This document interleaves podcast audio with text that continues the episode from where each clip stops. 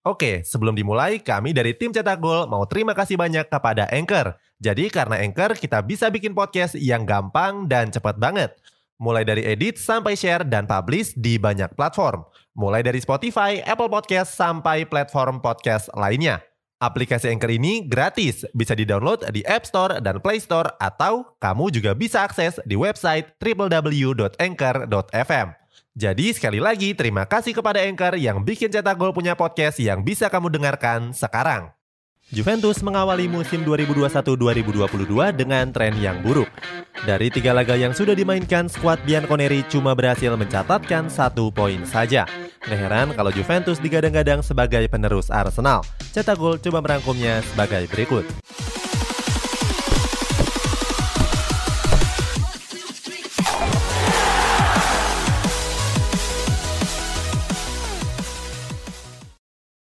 Tergusur dari papan atas klasemen. Serie A musim 2021-2022 sudah memasuki pekan ketiga. Juventus yang menjalani laga tandang ke markas Napoli harus menyerah dengan skor tipis 1-2. Juventus sebenarnya unggul lebih cepat dengan gol dari Alvaro Morata pada menit ke-10 pertandingan. Sayang Napoli berhasil membalikan kedudukan dengan mencetak dua gol. Gol pertama dilesakan oleh Matteo Politano pada menit ke-57. Sementara gol kedua diceploskan oleh Kalidou Koulibaly 5 menit sebelum waktu pertandingan normal berakhir. Keadaan ini memperpanjang tren buruk Juventus di mana mereka belum meraih satu kemenangan pun di Serie A musim ini. Sebelumnya pada pekan pertama mereka dihadapkan dengan Udinese. Bertanding sebagai tim tamu, Juventus gagal merebut 3 poin. Pada laga yang ditonton oleh 9.000 penonton ini, keduanya menutup laga dengan skor 2 sama. Hasil mengejutkan kembali terjadi pada pertandingan pekan kedua. Saat itu, Juventus yang tampil sebagai tuan rumah harus menyerah di tangan Empoli dengan skor 0-1. Satu-satunya gol yang tercipta dalam laga tersebut dilesakan oleh Leonardo Mancuso pada menit ke-21. Selain bertanding di Juventus Stadium, mirisnya Empoli sendiri berstatus sebagai tim promosi. Atas hasil tersebut, Juventus terlempar ke peringkat 16 klasemen dengan koleksi satu poin saja. Serupa dengan Arsenal yang juga menduduki peringkat 16 klasemen dengan perolehan 3 poin. Melepas pemain terbaik pada jendela transfer musim panas kemarin, Juventus melepas pemain-pemain terbaiknya, mulai dari Christian Romero dan Mary Demiral ke Atalanta serta Gianluigi Buffon ke Parma. Akan tetapi yang paling mencuri perhatian tentunya adalah mega bintang asal Portugal yakni Cristiano Ronaldo. Peraih lima penghargaan Ballon d'Or ini memutuskan untuk angkat kaki dari kota Turin. Sempat digadang-gadang bakal bergabung dengan Manchester City, Cristiano Ronaldo justru berlabuh ke klub lamanya yakni Manchester United. The Red Devils pun digadang bakal menang banyak dalam transfer ini. Dilansir dari jurnalis sepak bola kenamaan Fabrizio Romano, Manchester United menebus Ronaldo cuma seharga 15 juta euro atau sekitar 252 miliar rupiah. Padahal di musim 2018-2019 Juventus harus menebusnya dengan harga selangit. Saat itu Bianconeri memboyong Ronaldo dari Real Madrid seharga 100 juta euro atau sekitar 2 triliun rupiah. Melepas Ronaldo tentu membawa pengaruh bagi kekuatan skuad Bianconeri. Alasannya, pemain yang berjuluk CR7 ini merupakan tumpuan sinyonya tua dalam membombardir serangan lawan. Pada musim terakhirnya, Ronaldo mencetak 29 gol dari 33 laga Serie A yang dimainkan. Torehan tersebut juga menjadikannya sebagai top skor Serie A atau yang biasa disebut Capo Canoniere. Siang nyatanya masih gacor pun melanjutkan rangkaian golnya di klub barunya Manchester United.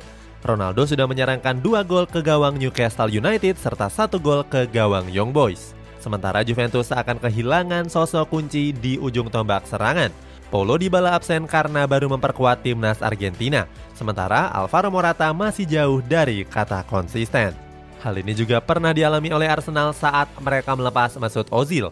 Membelinya dari Real Madrid dengan harga yang mahal, The Gunners justru melepasnya secara gratis ke Fenerbahce. Oke, sebelum dilanjut, ada yang penasaran nggak? Gimana caranya bikin dan nyebarin podcast yang kayak gini? Nah, ini karena tim cetak gol pakai Anchor. Mulai dari rekaman, edit suara, tambah lagu, sampai drag and drop bisa kita lakukan sendiri pakai Anchor. Satu aplikasi sudah bisa buat semua kebutuhan podcast. Bisa di-download dari App Store dan Play Store, atau bisa juga diakses dari website www.anchor.fm. Terus yang terpenting, Anchor ini gratis. Download dan coba sendiri setelah tonton episode ini. Mendatangkan pemain mediocre. Di jendela transfer musim panas ini, Juventus yang berstatus sebagai klub raksasa justru nggak bergerak secara agresif. Mereka cuma mendatangkan lima pemain yang berstatus non-bintang. Mulai dari Manuel Locatelli yang diboyong dari Sassuolo, Kayo Jorge dari Santos, Mohamed Ihataren dari PSV Eindhoven, Moiskin dari Everton sampai Weston McKennie dari Salke. Locatelli sendiri digait secara gratis, sementara sisanya digait nggak lebih dari harga 15 juta euro atau sekitar 252 miliar rupiah saja. Di antara kelimanya bisa dibilang cuma McKennie yang bermain secara reguler, sementara sisanya memainkan laga dari bangku cadangan dan belum berkontribusi banyak. Bandingkan dengan rival-rivalnya yang cenderung sudah menggait sejumlah pemain bintang. AC Milan merekrut sedikitnya 11 pemain dan terdapat nama-nama beken di dalamnya mulai dari Olivier Giroud, Alessandro Florenzi, Brahim Diaz, Sandro Tonali, Mike Maignan sampai Fikayo Tomori. Tonali dan Brahim Diaz sendiri sudah mencetak satu gol sementara Giroud sudah meraih brace. Penampilan apik dari Mike Maignan juga sukses menggantikan Gianluigi Donnarumma yang pindah ke PSG.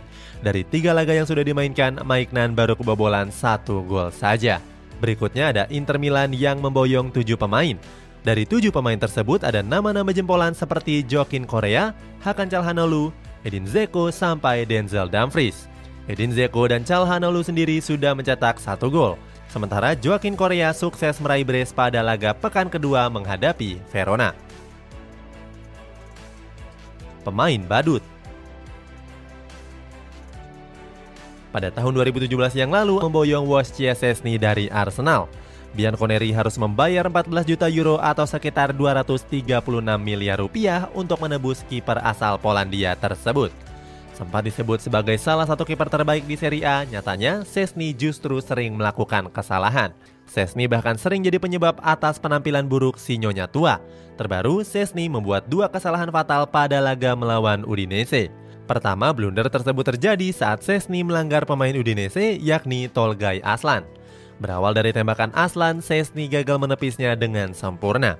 Alhasil bola rebound berhasil direbut oleh Arslan. Saat itu Sesni langsung bergerak cepat menangkap bola. Sayangnya aksi tersebut justru mengenai kaki dari Arslan dan membuat wasit menunjuk titik putih. Sebagai algojo, Roberto Pereira langsung menjebol gawang Sesni. Setelah sempat unggul lewat gol dari Juan Cuadrado, Sesni kembali melakukan kesalahan. Kesalahan tersebut terjadi 7 menit sebelum waktu pertandingan normal berakhir.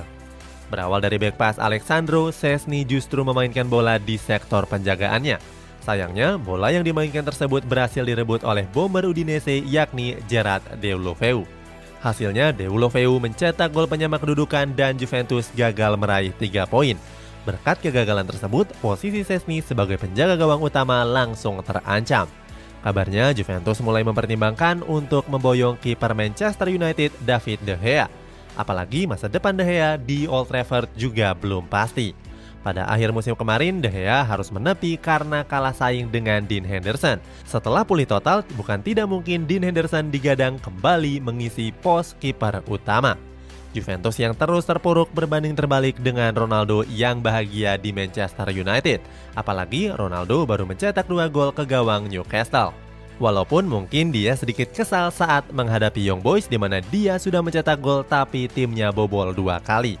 Hal ini juga serupa dengan apa yang dialami oleh Arsenal. Setelah melepas Mesut Ozil, performa The Gunners terus merosot. Itulah sejumlah alasan kenapa Juventus segera mengikuti jejak klub Arsenal. Bagaimana pendapatmu? Apakah Juventus bakal menjadi klub yang setara dengan Arsenal?